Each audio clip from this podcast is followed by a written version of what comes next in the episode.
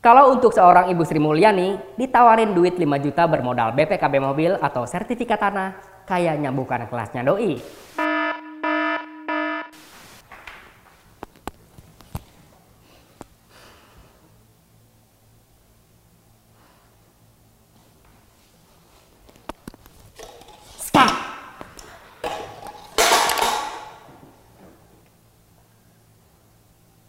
Selamat datang di Berita Buru-Buru bersama saya, Mr. Kece. Dan saya Pita Chili. Kok ada lo lagi sih? Ini orang acara gua. Kita ke berita pertama. Pengguna MRT Jakarta yang juga anak sepeda bukan Sally, baik yang culture ataupun enggak, kini bisa bawa sepedanya masuk ke gerbong. Tapi saat lihat uji coba dilakukan oleh Pak Anies dan Pak Riza, rasa-rasanya kami sendiri malas untuk nyoba. Ribet anjing. Mending goes di komplek aja, Sabtu Minggu. Senin Jumatnya kerja WFH. Sungguh surga dunia. Segitu saja berita pertama karena kami tim anti keringetan. Kita ke berita selanjutnya, masih bersama saya lagi. Sri Mulyani yang pegang duit negara, bener dong, kan bendaharanya Pak D, Menteri Keuangan. Ternyata masih sering menerima SMS tawaran pinjol dari perusahaan-perusahaan fintech. Buat lo semua yang rakcel, lihat no, menteri aja masih dapat tawaran pinjol. Kalau untuk seorang Ibu Sri Mulyani, ditawarin duit 5 juta bermodal BPKB mobil atau sertifikat tanah, kayaknya bukan kelasnya doi. Tapi kalau yang SMS nawarin hutang, IMF atau Bank Dunia, mungkin bisa dipertimbangkan.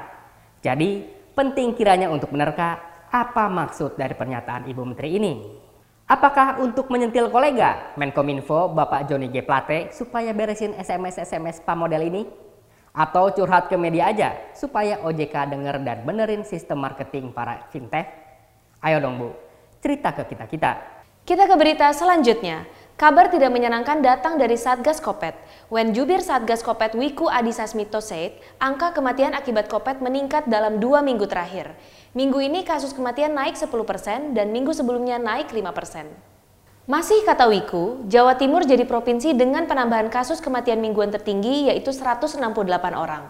Mirisnya lagi, dalam periode yang sama, angka kesembuhan COVID menurun 0,7 persen.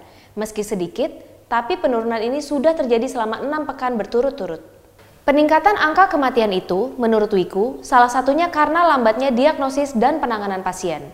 Oleh karena itu, Wiku minta Pemda gercep terapkan 3T, testing, tracing, dan treatment terhadap pasien COVID.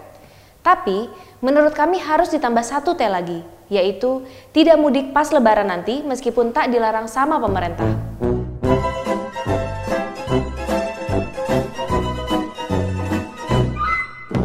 Sekian berita buru-buru hari ini. Sampai jumpa di edisi berikutnya.